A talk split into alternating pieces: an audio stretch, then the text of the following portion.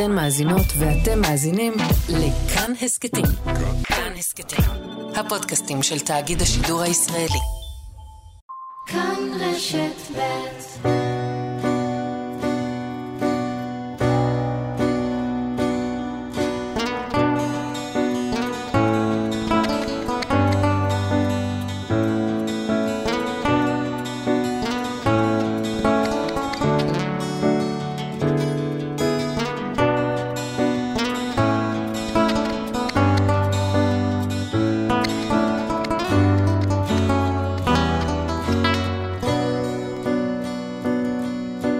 שלום.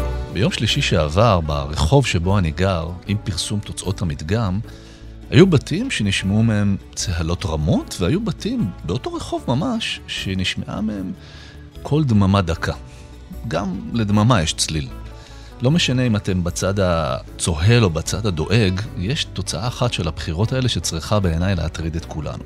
בקואליציה המסתמנת של 64 חברי כנסת צפויות להיות חברות רק תשע נשים.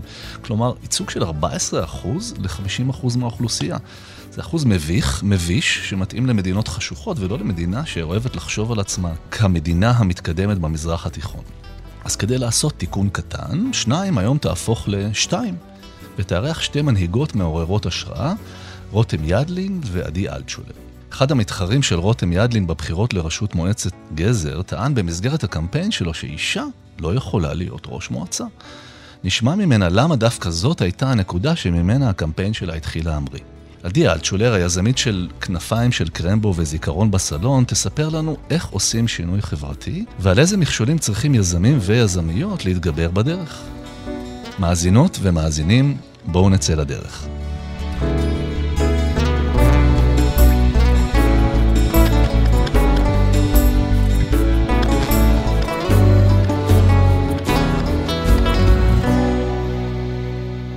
רותם ידלין היא ראשת המועצה האזורית גזר.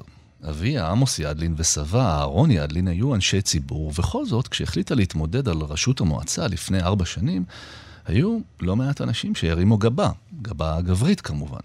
שלום רותם. בוקר טוב, שבת שלום. אז קודם כל, אנחנו בנפגשים שבוע וקצת אחרי הבחירות, איך התחושה שלך?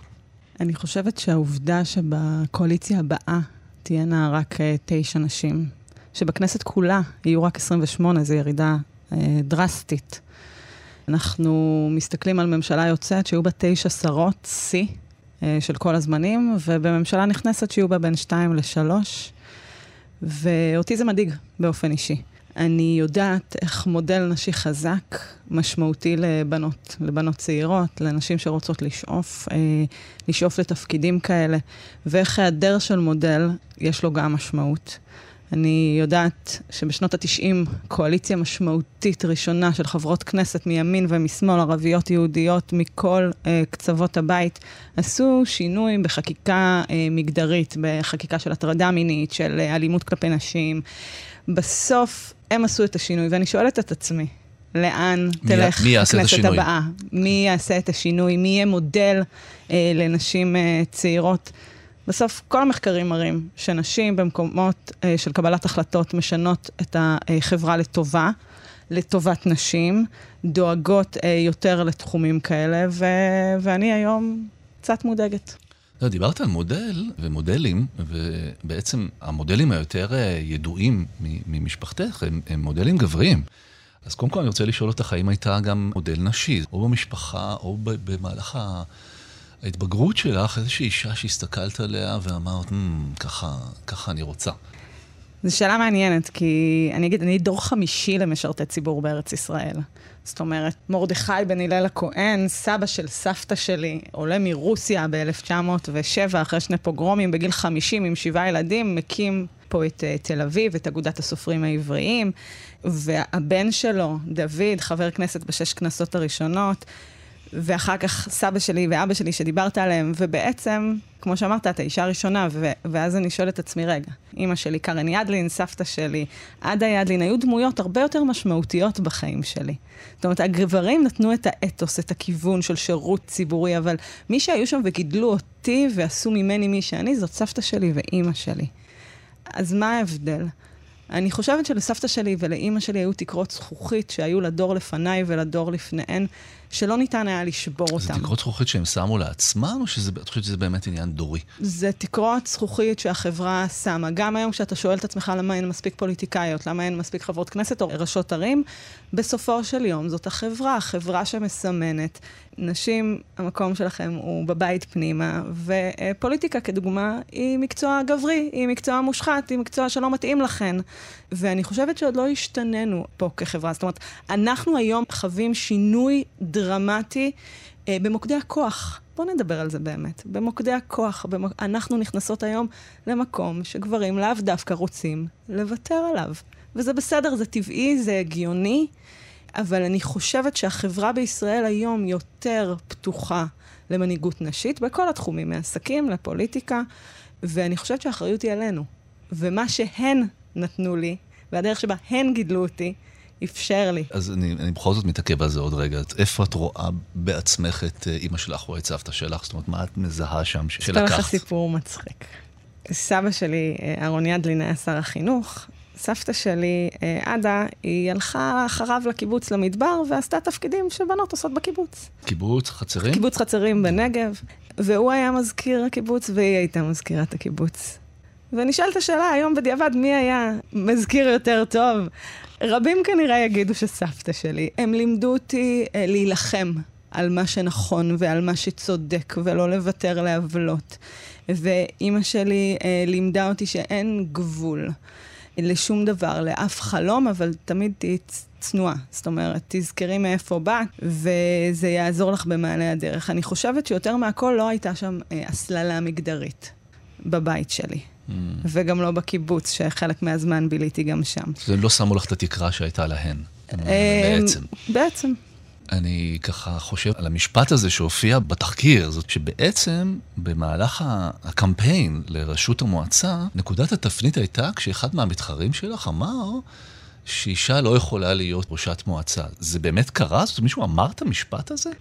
מי שאמר את זה זה ראש המועצה הקודם, ואני חושבת שהוא פשוט אמר מה שהרבה אנשים חשבו. זה גם טקטיקה פוליטית של להקטין את המתחרה, אה, במקרה הזה את המתחרה שלך. אבל בסופו של יום, בוא נחזור ל-2018. יש שש נשים ראשות רשויות בישראל באותה תקופה, מתוך 257. זאת אומרת, שני אחוז. שעל הרקע הזה בא המשפט שלו בעצם. ש... ואתה יודע, אחרי הבחירות כולם חגגו, הכפלתם את עצמכם. הכפלנו את עצמנו, זאת חגיגה. אנחנו היום 15. 15 זה 5 אחוז. אחת מתוך 20 רשויות היא ראשת הרשות. אחת מתוך 20. אנחנו 50 אחוז מהאוכלוסייה. לכן uh, היעד שלנו, אגב, בבחירות הבאות הוא 31. זאת אומרת, להכפיל את עצמנו שוב. כי צריך יותר קולות נשיים סביב השולחן, זה מביא לגיוון בדעות. אני חושבת שאם אתה מסתכל על הקורונה, אפשר היה לראות שנשים ראשות ממשלה בעולם, וגם ראשות רשויות בישראל, אחרת. ניהלו את הקורונה אחרת. אנחנו מתנהלות אחרת, אנחנו שואלות יותר שאלות. אנחנו לא חושבות שאנחנו אה, יודעות הכל, וכשאת שואלת יותר שאלות, את שומעת את המנהל מחלקה, מנהלת מחלקה, אה, שיודעות יותר טוב ממך. בסופו של יום. השיחה צריכה להיות יותר מגוונת, אנחנו מקפידות על גיוון. אני לדוגמה מקפידה שבצוות שלי יהיו דתיים וחילונים, אה, נשים וגברים כמובן, מושבניקים וקיבוצניקים, כי כל אחד מאיתנו חווה חוויה אחרת, ואני חושבת שכנשים אנחנו מבינות את הערך בגיוון.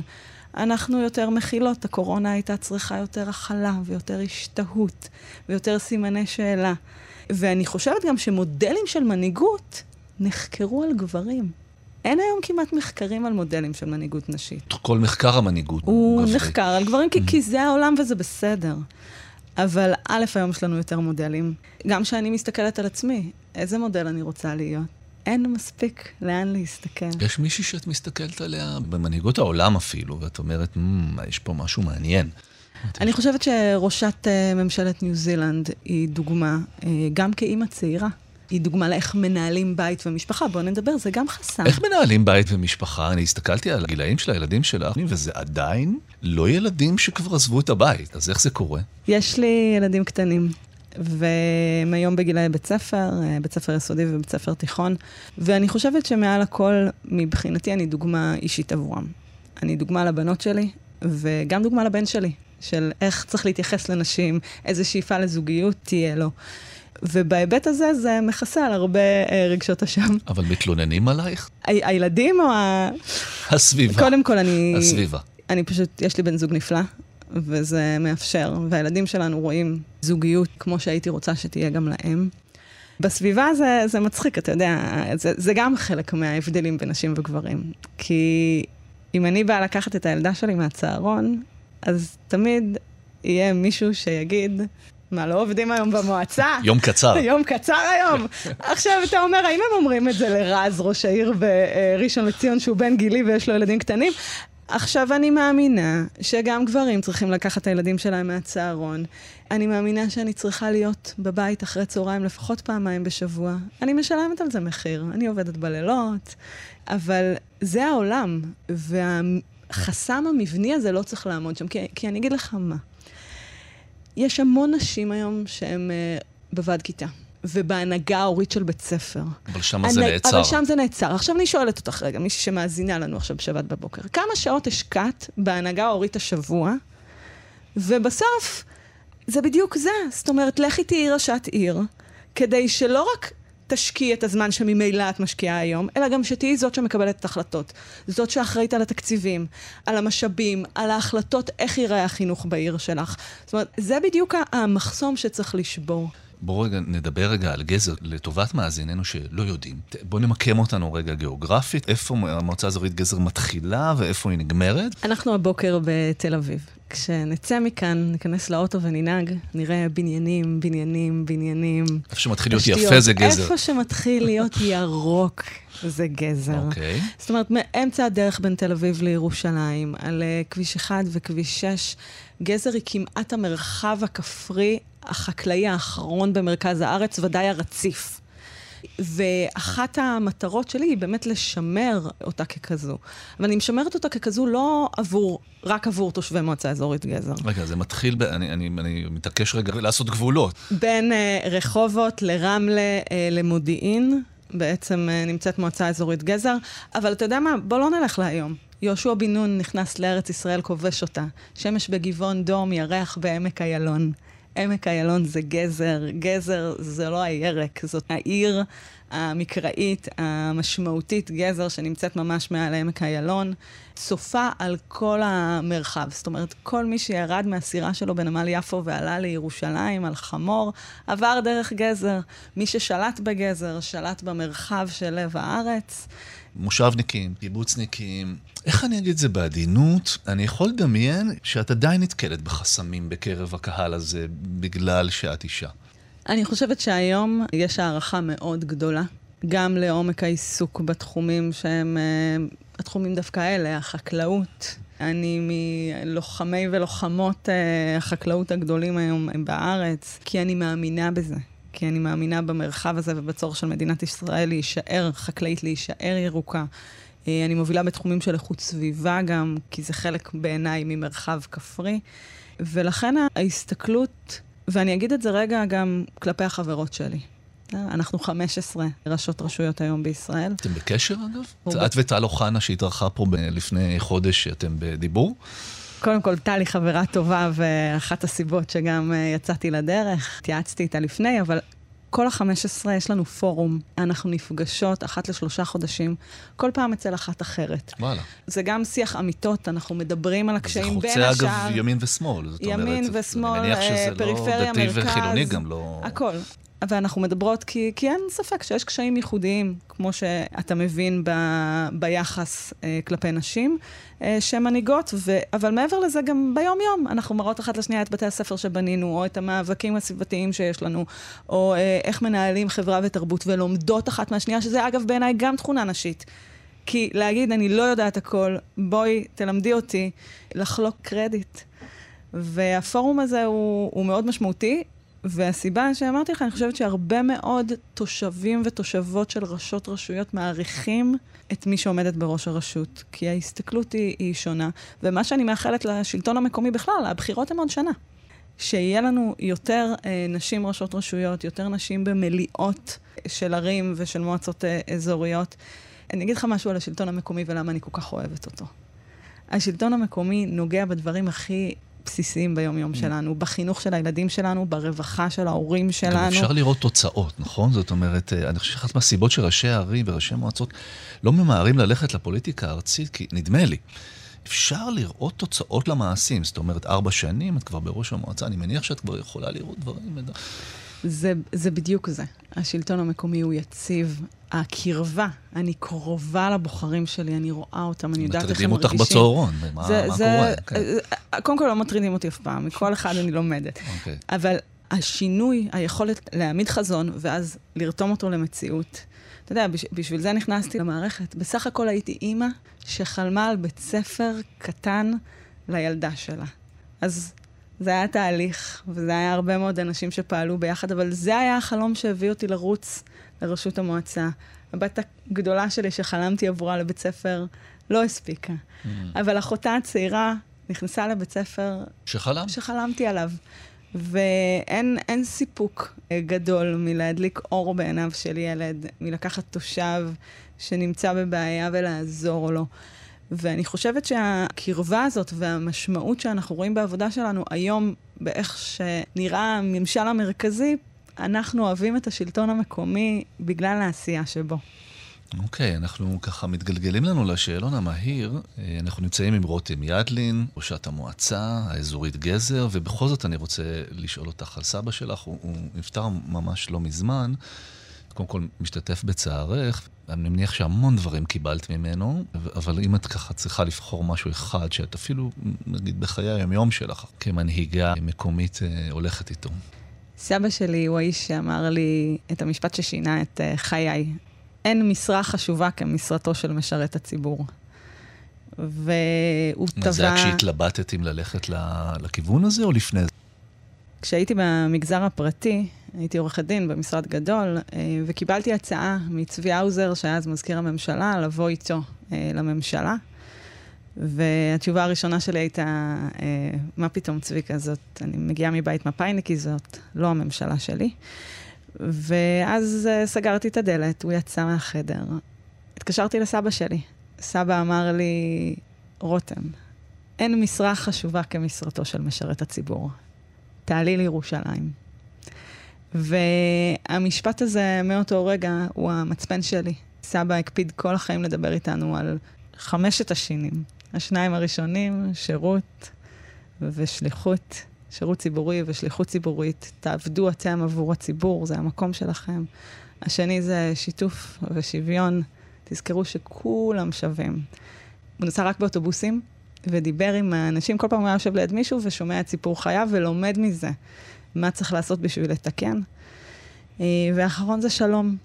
הוא האמין בשלום, האמין שזו המטרה, ואלה חמשת השינים שסבא נתן לי, ואני לוקחת אותם איתי לכל מקום שאני הולכת. אני לא, לא יכול להתאפק בכל זאת, אני, אני אשאל אותך, בתקופה ששירתת ב, ליד האקווריום, ראית את חמשת השינים האלה בהנהגה שאיתה עבדת? כן, זאת הייתה תקופה... כלומר, בתקופה של נתניהו. זאת הייתה תקופה אחרת, אנחנו מדברים על 2009 עד 2013, תקופה ממלכתית. אם אתה שואל אותי מה חסר היום, אה, זו ממלכתיות. קודם כל, זאת הייתה ממשלת אחדות, גם אה, אהוד ברק היה בממשלה, אה, בוז'י הרצוג. אחר כך אנשים כמו דן מרידור, מיקי איתן, בני בגין, אנשי ליכוד ליברליים שקולם חסר היום. אני מאמינה בממלכתיות, אני מאמינה שזאת ההנהגה שמדינת ישראל צריכה. אנשים שלא רואים ימין כנגד שמאל, אלא רואים ביחד. מבינים שמדינת ישראל היא נס, היא הנס שלנו, ושצריך לעבוד מאוד קשה בשביל לשמור על הנס הזה. וזאת ההנהגה שאני שואפת אליה. אוקיי. Okay. אוקיי. Okay. יש סדרה של ערבים שנקראת Fuck Up Nights, זה ערבי כישלונות. אנשים עולים על הבמה ומספרים את הכישלון שלהם. אני מזמין אותך ל... לערב כזה, על איזה כישלון uh, תספרי. איפה נכשלת? קודם כל חשוב לי להגיד, יש לי מלא כישלונות. אוקיי, okay, זה, בוא נפתח את זה. זה, אתה יודע, לפעמים אני מדברת עם קבוצות, תמיד יש לי בסוף את השקף ש, שאומר, וגם נכשלתי מלא פעמים. כי אני לא רוצה שיצאו מישהו שמאזין לשיחה כזאת ויגיד, אני לא יכול, עשיתי מלא טעויות בחיים, ולא, הטעויות שלי הם שבנו אותי. הם שבנו אחת. את האופי שלי. בוא נבחר אבל אחת. אבל אני, אני אקח לך כישלון ברשותך דווקא מהתקופה האחרונה, בסדר? יצאתי להילחם נגד הכפלה של קו החשמל בלב המועצה האזורית. שוב, אם ירוק, אז, אז צריך לשמור. עכשיו, אנחנו העורף התשתיתי של מדינת ישראל. צריכים לעבור במרחב הכברי קווי חשמל. אבל למה שניים במקביל? למה לא אחד גדול? למה לא ליד הכביש עובר בלב מועצה אזורית גזר כביש מספר 6? תעבירו את קו החשמל ליד הכביש, תשמרו משהו לדורות הבאים, הקרקע זה המשאב היחידי בחיסרון. יצאתי למלחמה גדולה נגד חברת חשמל, ואתה יודע מה למדתי? שיש מלחמות ששווה להילחם גם אם אני יודעת שאני אפסיד בסופו של יום, כי הלכתי עם האמת שלי, וצר לי שלא הצלחתי. אוקיי, okay. יותר קשה אפילו אולי מערב כישלונות, ערב קריוקי. ואין מה לעשות, את עם חברות, קבוצה של חברות, אולי זה אפילו פורום, פורום ראשות הערים, יוצאות לערב קריוקי לחגוג את הצלחת ה... בבחירות. 31. אז, כן, הצלחת ה-31, ואין מה לעשות, את צריכה לעלות לשיר שיר. אה, מה תשירי? בתור זו שזרקו אותה מהמקהלה בכיתה ד', המורה איתן, אני יודעת שאתה מקשיב. אני לא אעלה לשיר. מה, הוא ממש אמר לך, צאי, אין לך, את לא תהיי כל א' וגם לא כל ב'? בהתחלה העבירו אותי לכל ב', ואז הסבירו לי שמקומי מחוץ לחדר. עכשיו, סבתא שלי ניהלה את מקהלת האיחוד, זה היה אירוע משמעותי, ומאז אני לא שרה, בטח לא בציבור. ואיזה שיר את אוהבת? נגיד, בלי לשיר, נגיד, את צריכה לבחור שיר. תרגיל בהתעוררות. וואלה, של שלומי אה, שבן וחווה אלברשטיין. שלומי שבן וחווה אלברשטיין, שיר נפלא שגם מתאים לתקופה הזאת. שיר, אני חייב להגיד, כבן אדם כותב, זה שיר מעורר קנאה, כתוב, הטקסט. אני מסכים. כל כך יפה. מתי בפעם האחרונה בכית? בהספד של סבא שלי בלוויה. אה, תוך כדי שקראת? כן. וזה פרידה מ... אתה יודע, אנשים לא אמרו לנו אה, שלא תדעו עוד צער, כי בן אדם שנפטר בגיל 96, זה... והיו לו חיים מלאים, הלוויה שלו באיזשהו מקום הייתה חגיגה של החיים שלו. אה, ויחד עם זאת, אני הנכדה של סבא שלי, אה, שעזב את עולמנו, וזה היה לי מאוד עצוב. והוא חסר לי. מה החלום הבא שלך? בואו ניקח 15 שנה קדימה. יש כבר 50 ראשות ערים, וקידמת את מה שרצית לקדם בגזר. מה את מדמיינת? ידעת שאני אשאר בגזר, אה, אז אני אקח את ה... אני לוקח אותך, אבל ממש קדימה. נתת לי אתגר. 20 שנה קדימה. אני רוצה להיות שרת החינוך. מערכת החינוך שלנו צריכה שינוי, צריכה שינוי דחוף. גדול. זה ספינה גדולה לנווט. אני יודעת מה אני רוצה לעשות שם. מה הדבר הראשון שתעשי? מעמד המורה. מעמד והמורה. זאת אומרת, לא רק שכר, אלא בכלל? מעמד. אני חושבת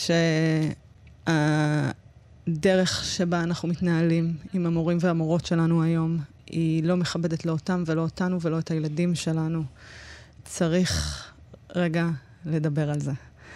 אבל, אבל זאת רק ההתחלה, יש לי הרבה מאוד חינוך, כמו שאתה מבין, זה גם ב-DNA זו, וגם... זה גם תהיה סגירת מעגל עם, אה, עם סבא שלך. זאת אומרת, נכון. להמשיך, להמשיך את דרכו ממש ב, במשרד. אני אגיד רגע, סבא שלי, כל שר או שרה שהגיעו אחריו, אה, הוא נפגש איתם ונתן את משנתו ואת אה, תפיסת אה, חייו, והם תמיד כיבדו את זה.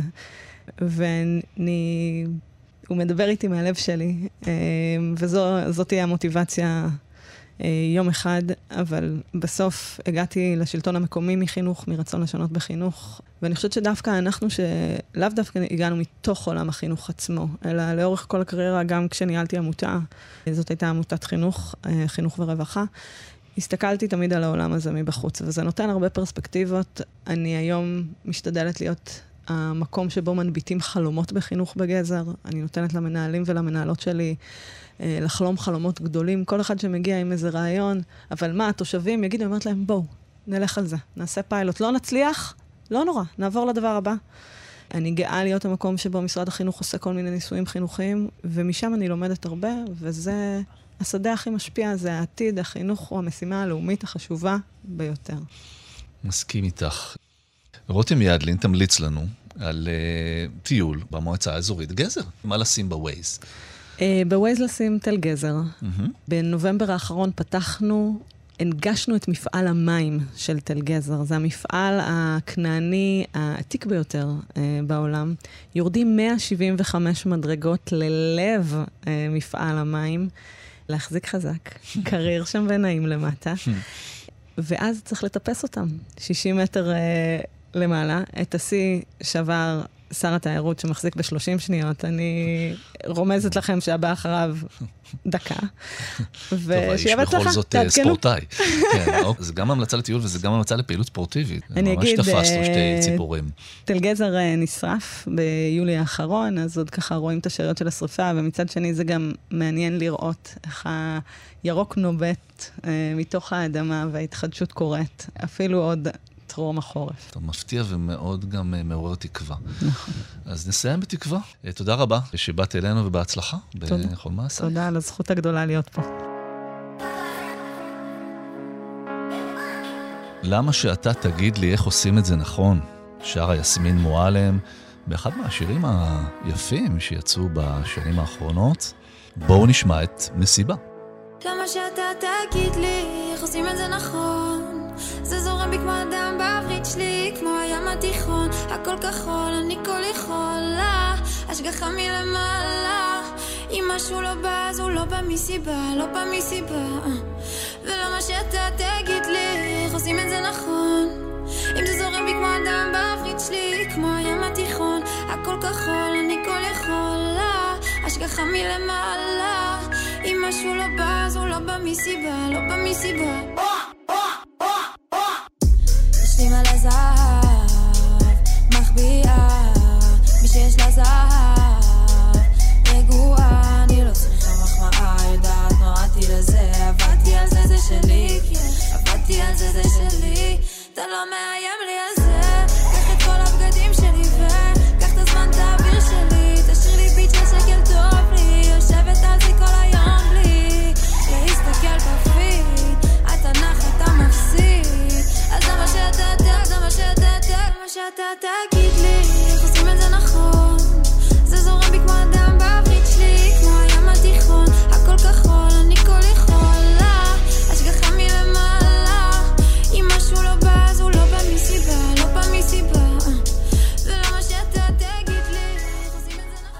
המייסדת של כנפיים של קרמבו היוזמת של זיכרון בסלון המייסדת והמנכ"לית של אינקלו, רשת גנים ובתי ספר מכילים, זוכת פרס רפפורט על יוזמה מחוללת שינוי, עיטור האור עבור עשייתה למען ניצולי שואה.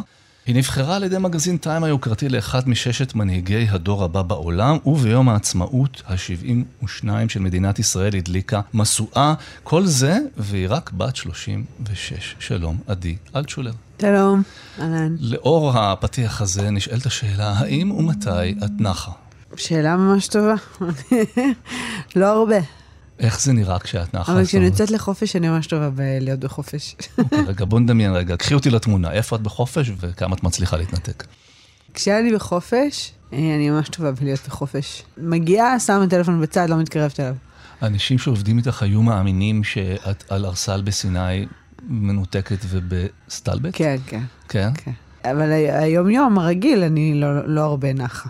השוטף הוא שוטף. אז זהו, זה אגב השוטף. אני רוצה לחלוק את החוויה שהייתה לי לקראת השיחה הזאת. אנחנו נפגשים פה עם אה, אורחים רבים כבר אה, תשעה חודשים, ותמיד אנשים שואלים אותי במהלך השבוע, עם מי אתה נפגש השבוע? Mm. לא נתקלתי בתופעה כזאת, כשאני אומר שם, את השם שלך, המון אנשים מכירים אותך, פגשו אותך, או חושבים שהם חברים שלך.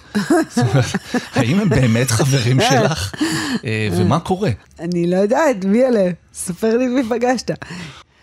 לא מסתובבת בתחושה שאני מכירה את כולם, או שמכירים אותי. כמה העניין הזה של היכרות אישית חשוב ביזמות, הכי חשוב בעולם. אז, אז בוא נדבר על זה. כן, everything is personal בסוף. גם זה כיף, כאילו המערכות יחסים, היכולת להכיר אנשים, לנוע ולהניע יחד. אני אתן לך דוגמה.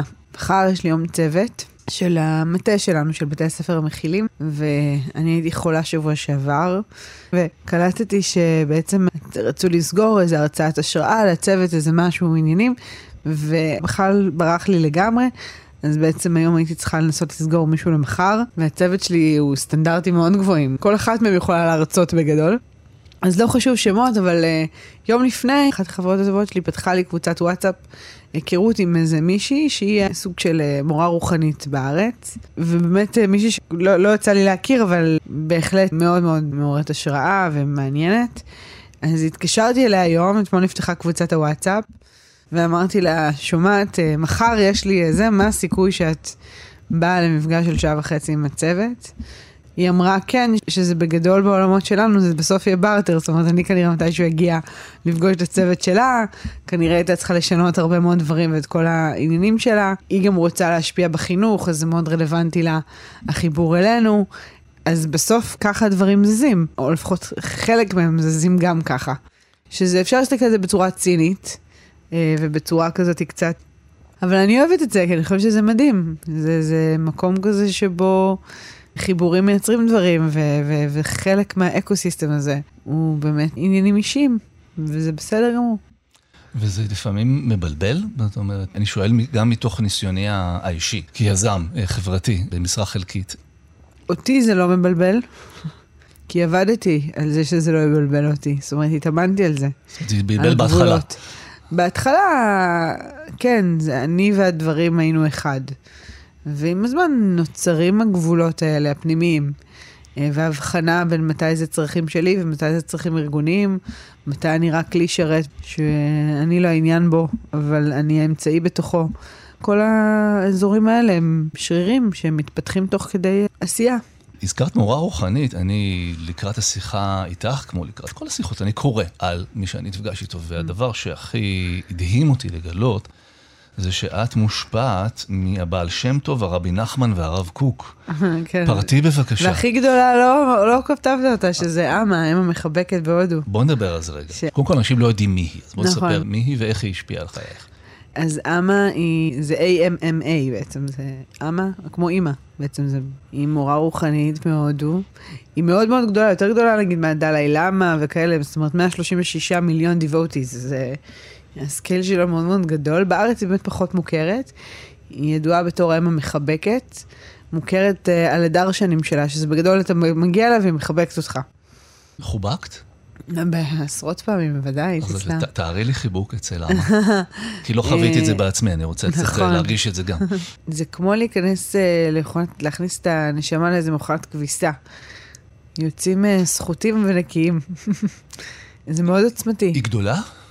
קטנה. קטנה? אה, שמנמנה, נמוכה, אה, בת, אה, לא יודעת כמה כבר, 60, 70, הודית, היא לא מדברת מילה אנגלית. זה חוויה רוחנית, זה חוויה אנרגטית, זה באזורים האלה. זה חיבוק ארוך? או... קצר. קצר, קצר, קצר. וזה נותן את מה שצריך. החיבוק הוא, הוא רק, אני חושבת, זה כמו נקודה בסוף משפט. Mm. העניין הוא לא החיבוק, הוא סימבולי. יש גם בו, אני חושבת, יש לו, אבל, אבל הוא לא העניין. אמה היא, היא מורת דרך שהיא, בסוף היא מדברת על חמלה. יש לה מפעלים הומניטריים הכי גדולים בעולם. בדיוק היא פתחה לפני חודש את הבית חולים הכי גדול בדלהי. בית חולים ציבורי עם אה, אלפי מיטות. יש לה עשייה הומניטרית שאין לה אח ורע בעולם. ואני הגעתי לאמה ב-2008, להודו, בדרך לא דרך כזאתי. הגעתי לאשרם ואחרי שנייה ברחתי ממנו. כאילו המחשבה שיש גורו ואישה ובן אדם ו... אתה יודע, אני גדלתי בבית יחסית מסורתי, אל תעשה פסל ותמונה, ויש איזה בן אדם שמעריצים אותו, הרי גם תרבות של גורויות. זה היה, ברחתי תוך שנייה, אני אמרתי, אלוהים, מה אני עושה פה ומה זה האירוע הזה? ו... ואחרי כמה ימים, באיזה חוף לא רחוק שתכננתי לברוח, פגשתי כמה אנשים, אמרתי, טוב, הגעתי עד לכאן לפגוש אותה, אז אני כבר אלך אה, לפגוש אותה. וזהו, ומאז, בגדול, נשארתי באשרם הזה עוד איזה חודשיים וחצי. ומה היא נתנה לחייך? מה היא נתנה לחיי, כן. וואו. מה, מה לפני הנקודה שבסוף המשפט? היא נתנה לחיי הכל, באמת. הכוונה רוחנית. בעצם כל דבר שעשיתי, it was under her guidance. לעזוב את כנפיים של קרמבו, להקים את הבתי הספר המכילים. כל דבר, קראת איזה צ'קליסט כזה של הישגים, בסוף זה אמה. זאת אומרת, זה אני, אבל היא המדריכה. כשאת אומרת מדריכה, זה אומר שזה משוחחות, או שזה חיבוק שנותן את התשובה? לפעמים ככה, לפעמים ככה, לפעמים ככה. ספציפית בתי הספר המכילים, זה ממש היה, אולי זה הדבר היחידי שקרה ממש בשיחה עם מתורגמן. זה היה אחרי שעזבתי את קרמבו ב-2014, הייתי בתוכנית שלה בספרד, ובדרשן, בחיבוק, היה מתורגמן, ואמרתי לו, תגיד לה שעזבתי את כנפיים של קרמבו, אחרי כמובן הרבה שנים, ופעם ראשונה שאלתי אותה שאלה, אף פעם עד אותו רגע לא שאלתי, כמו רב שאתה בא ושאתה, כאילו עד אותו רגע זה לא קרה לי, ואז אמרתי לה, מה, מה הדבר הבא שאני צריכה להקדיש את עצמי אליו? כאילו, סיימתי עם קרמבו, הפרק הזה הסתיים, מה ה-next 10 years שלי? כאילו, מה צריך להיות הדבר הבא? ואז היא אמרה לי, בצורה נורא מפורשת, היא אמרה לי חינוך. זה התחיל מזה, ודיברה איתי על עם ובלי צרכים מיוחדים. ואמרתי לה, לא, לא, לא, אני עזבתי, עזבתי את הדבר הזה, אני סיימתי.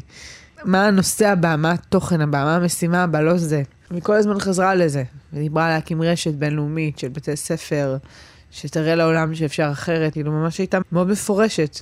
שלי זה גם היה קשה, כי אני לא רגילה שמישהו בא עם רעיון ואומר לי מה לעשות, אני רגילה שזה שלי. גם לאגו שלי זה הפריע, זה כאילו היה הכי לא בכיוון. אני מתאר לעצמי שכנפיים של קרמבו נולד אצלך וזיכרון בסלון, נכון? נכון? אז בואו נחזור לאינקלו, כי זה מאוד כן. מסקרן אותי כן. ההליכה שלך לאזורי החינוך. אבל מעניין אותי רגע להתעכב על רגעי הלידה של אה, רעיון אה, חברתי. להיכנס רגע לראש שלך. את יכולה לבחור על איזה מהם את רוצה לדבר. זאת איך בכלל, ממה זה מתחיל? זה מתחיל מצורך, מאיזה פינה חשוכה שנוגעת בנו, מלראות איזה משהו ש... שהוא איזה עיוות שנראה לנו לא בסדר. במקרה, שני המקרים, גם בקרמו וגם בזיכרון בסלון, שזה היה ספציפית נגיד בערב יום השואה, בזיכרון בסלון זה התחושה שזיכרון השואה ויום השואה, אני לא מרגישה מחוברת לנושא הזה, אין לי אף אחד במשפחה, זה עובר לידי, זה איזה אירוע היסטורי רחוק שאני לא מרגיש שקשור אליי, זה מפחיד אותי. במקרה של קרמבו זה הבנה שלא לכולם יש אפשרות לחיי חברה ולמסגרת חברתית שלי. יש, כאילו יש איזה, איזה צורך, איזה פינה חשוכה. יש אגב מלא צרכים שעוברים לידי ולא מזיזים אותי, ולא מתחתנת איתם. אני חושבת ש... משהו צריך להפעיל אותך פנימית. משהו צריך פנימית. להפעיל, נכון, נכון. והוא צריך להיות גם כל כך הוק כזה משמעותי. כי בסוף זה ריצה למרחקים ארוכים. אבל יש נקודה, הנקודה הראשונה, ההתחלה, ההתחלה, ההתחלה, ההתחלה של הכל, הראשית, זה באמת הרגע הזה של הצורך, של הפינה חשוכה שלא מקבל, הדבר הזה שהוא לא אמור להיות ככה. אני מותח רגע קו בין כנפיים של קרמבו לאינקלו, למה הנושא של בעלי מוגבלויות מפעיל אותך? הוא לא מפעיל אותי, אין לי שום הפעלה שקשורה אז, ב- אז, ב- אז, בעולם של מוגבלויות. אז... תפיסה שלי, קודם כל, לכולנו יש צרכים מיוחדים. אין מישהו בעולם שאין לו צרכים מיוחדים. כל דבר הוא צורך מיוחד. זה שעכשיו יש אבחונים ואבחנות, זה עניין חברתי, זה עניין תרבותי, זה עניין רפואי, אבל אין לזה משמעות. גם אצלנו במכילים, הילדה הביישנית, הילד שההורים שלו מתגרשים, או הילד שהוא מחונן במתמטיקה, הצורך שלהם לא פחות מיוחד מהילד שלא שומע. והתפיסה וההבנה והיכולת לראות אנשים על כל צרכיהם ועל כל רצונותיהם ועל כל יכולותיהם, מבחינתי, כל הילדים מיוחדים. אין לזה משמעות. אני לא מסתכלת על ילד ועל אבחון, על זה שהוא על הספקטרום, וזה מפעיל אותי באיזשהו אופן, זה שקוף לי.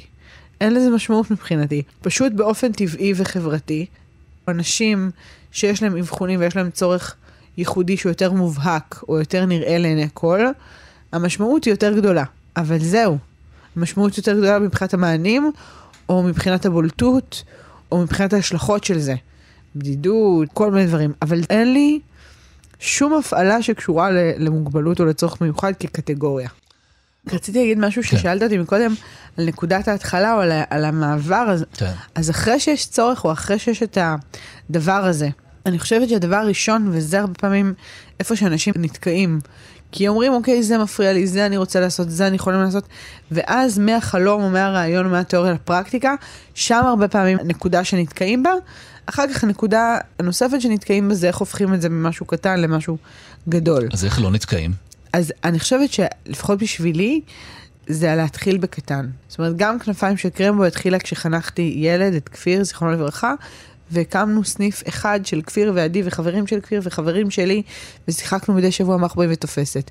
גם זיכרון בסלון, זה התחיל מהסלון של אימא שלי, מזה שהזמנתי כמה חברים, ושורדת שואה, ואיזה חבר שניגן, ונדב בעלי הנחה שיחה. זאת אומרת, בסוף הדברים הגדולים זה מתחיל ממשהו קטן, שחשים אותו, שרואים שהוא עובד, שרואים שקורה שם משהו, אחרי זה כבר איך הופכים את זה לארגון, אבל הגרעין, אחרי שמזהים צורך, הקפיצת בנג'י היא לפעולה יחסית קטנה. שם נמצא גם האלגוריתם בסוף, שאחרי זה אפשר יהיה לשכפל אותו. קודם כל טיפ מעולה, זה נכון להרבה תחומים בחיים, נכון. לא רק ליזמות חברתית. אם כבר כן. העלית את הקפיצה הבאה של הפיכה לארגון, יש עניין של גיוס כספים, אוקיי? כן. לא קל לגייס ולבקש מאנשים כסף, זאת אומרת, יש איזה משהו... זה החלק הכי קשה, מה שאמרת עכשיו. זה נורא קשה. לבקש. זה, זה, האם הלא נעים חי אצלך, או שהלא נעים מת? אז אה, קודם כל אמרת משהו שהוא התשובה. המשימה הכי מסובכת היא לבקש.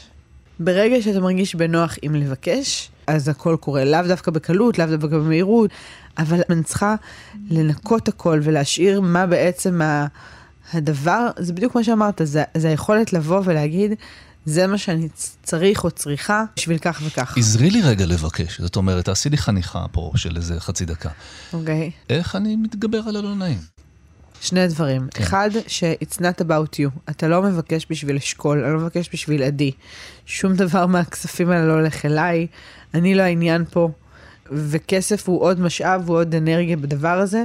בדיוק כמו שאם עכשיו הייתי מבקש ממך, אגב, לבוא ולהעביר סדנת כתיבה או הרצאה או לתרום ספר שלך אה, למנהלים, שזה גם בקשה לתת משהו ממך. שיקול מחושב שלקחתי כשקבענו את הפגישה. כן. אז, אז, או אם אני עכשיו אלך למישהו שיש לו אמצעים ואני מבקש ממנו לתרום סכום מסוים, כל אחד, זה אותו דבר, עכשיו תבקש ממני אה, לבוא לכאן להתארח בתוכנית שלך, לכל אחד יש משהו לתת. אני לא שמה את הגבול למי שמולי מראש על מה אפשר או אי אפשר לתת לי. ופה מגיעה הקומה השנייה. כשאנשים לא נעים להם, זה כי הרבה פעמים שהם מרגישים שהם מבקשים לעצמם, וכי הם שמים שיקולים על מה המשמעות לצד השני, אם הוא ייתן או לא ניתן, ואז אולי יש לו ככה, אולי יש לו ככה. לא להכניס את השיקולים לצד השני, ולא להרגיש שאנחנו מבקשים בשביל עצמנו. זה לא בשבילי. ואם הבן אדם אתה לא יכול לתרום לי ספרים, כי תעשיית הספרים בישראל, המשמעות שלה, ובסוף זה מהכיס הפרטי שלך, אז אתה תגיד לי, עדי, זה מה שאני מסוגל, וזה מדהים, וזה הכי טוב, וזהו. אני חושבת שהחלק השני בתוך הדבר הזה, זה להיות בטוח בדבר שאנחנו מבקשים אליו.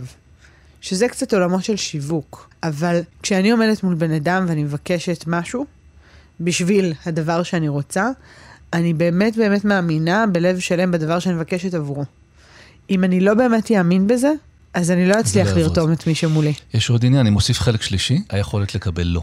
אני מניח נכון, ששמעת צדק. לא מעט לא, ואת עדיין בטח, שומעת לא, נכון? לגמרי. איזה לא זכור לך? קודם כל, אתה צודק ממש. היכולת להרגיש בנוח עם זה שיגידו לי לא, כן, כי בסוף חוויית דחייה היא, היא משהו שהוא נוגע בנו. אז בוא ניקח דוגמה, ללא. אני אתן אה, לא קטן ולא גדול. הלא הקטן הוא דווקא לא קשור לכסף.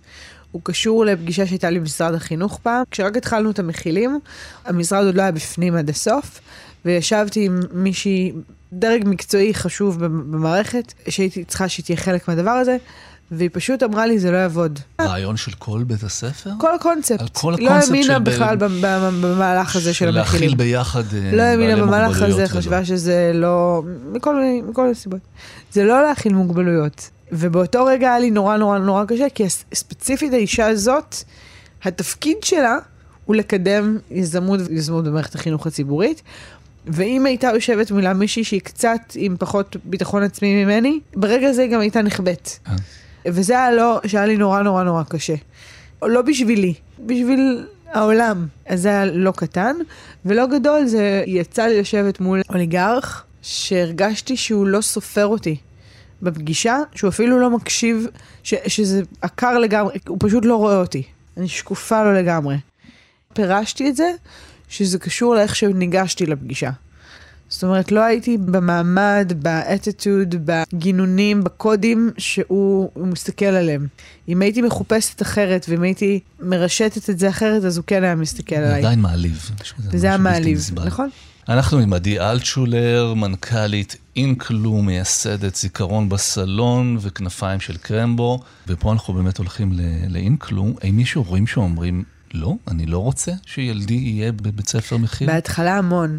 וזה באמת קשה לא לקחת ללב, ונורא קשה גם לא להיעלב אישית, כי כשאתה מתחיל מיזם, אתה והמיזם עוד אחד.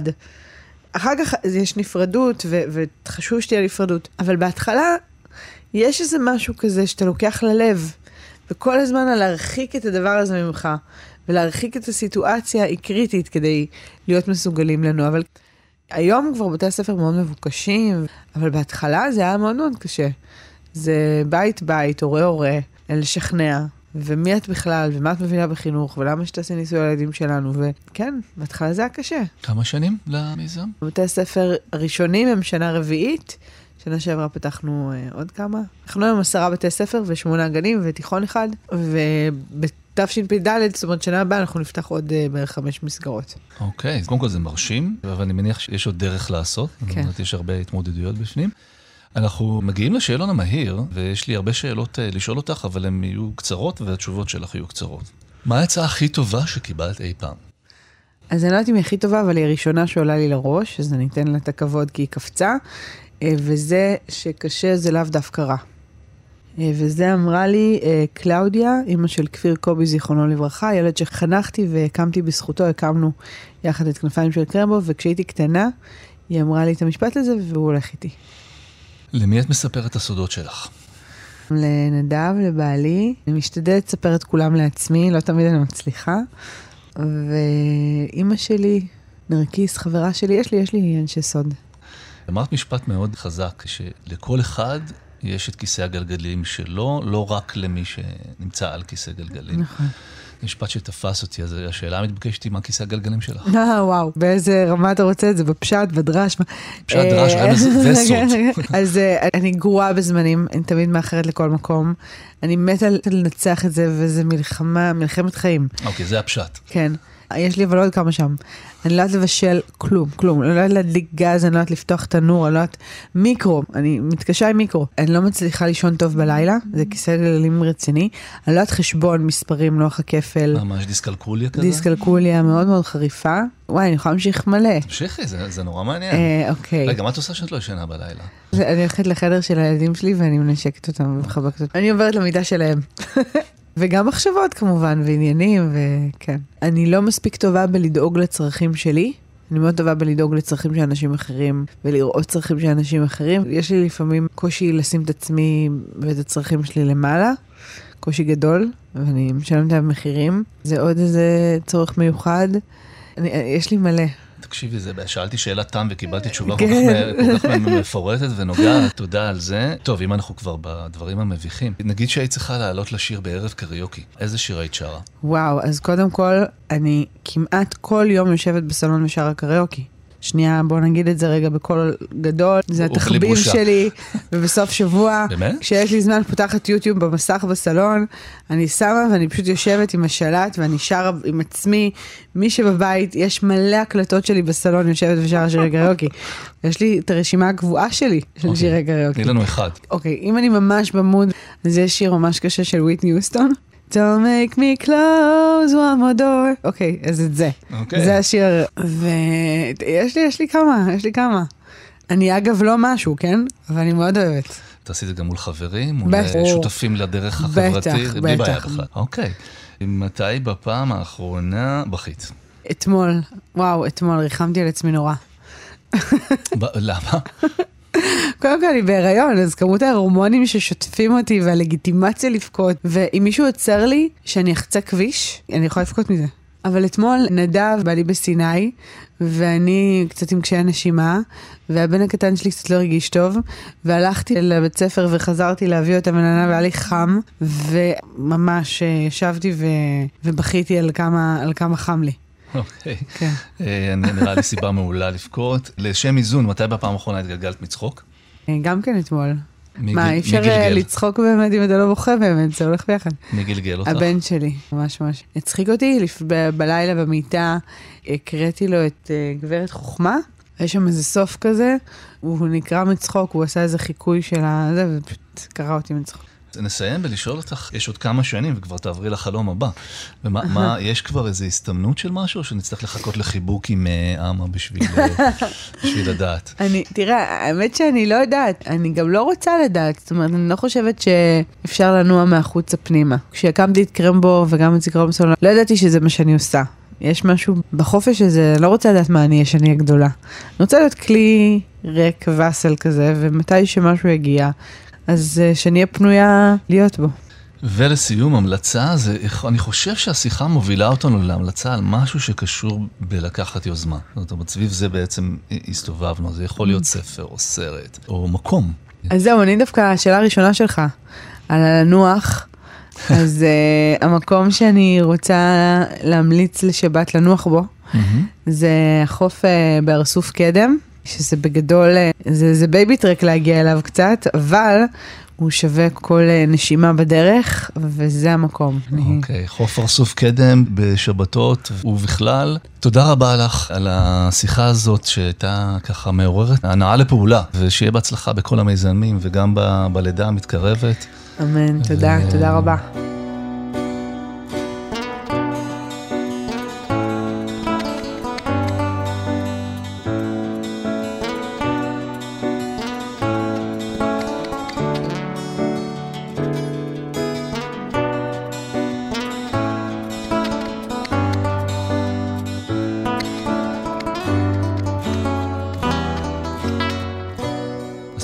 לרותם ידלין ולידי אלטשולר על רוח התקווה והיזמות שהביאו לכאן, שיחות של היום.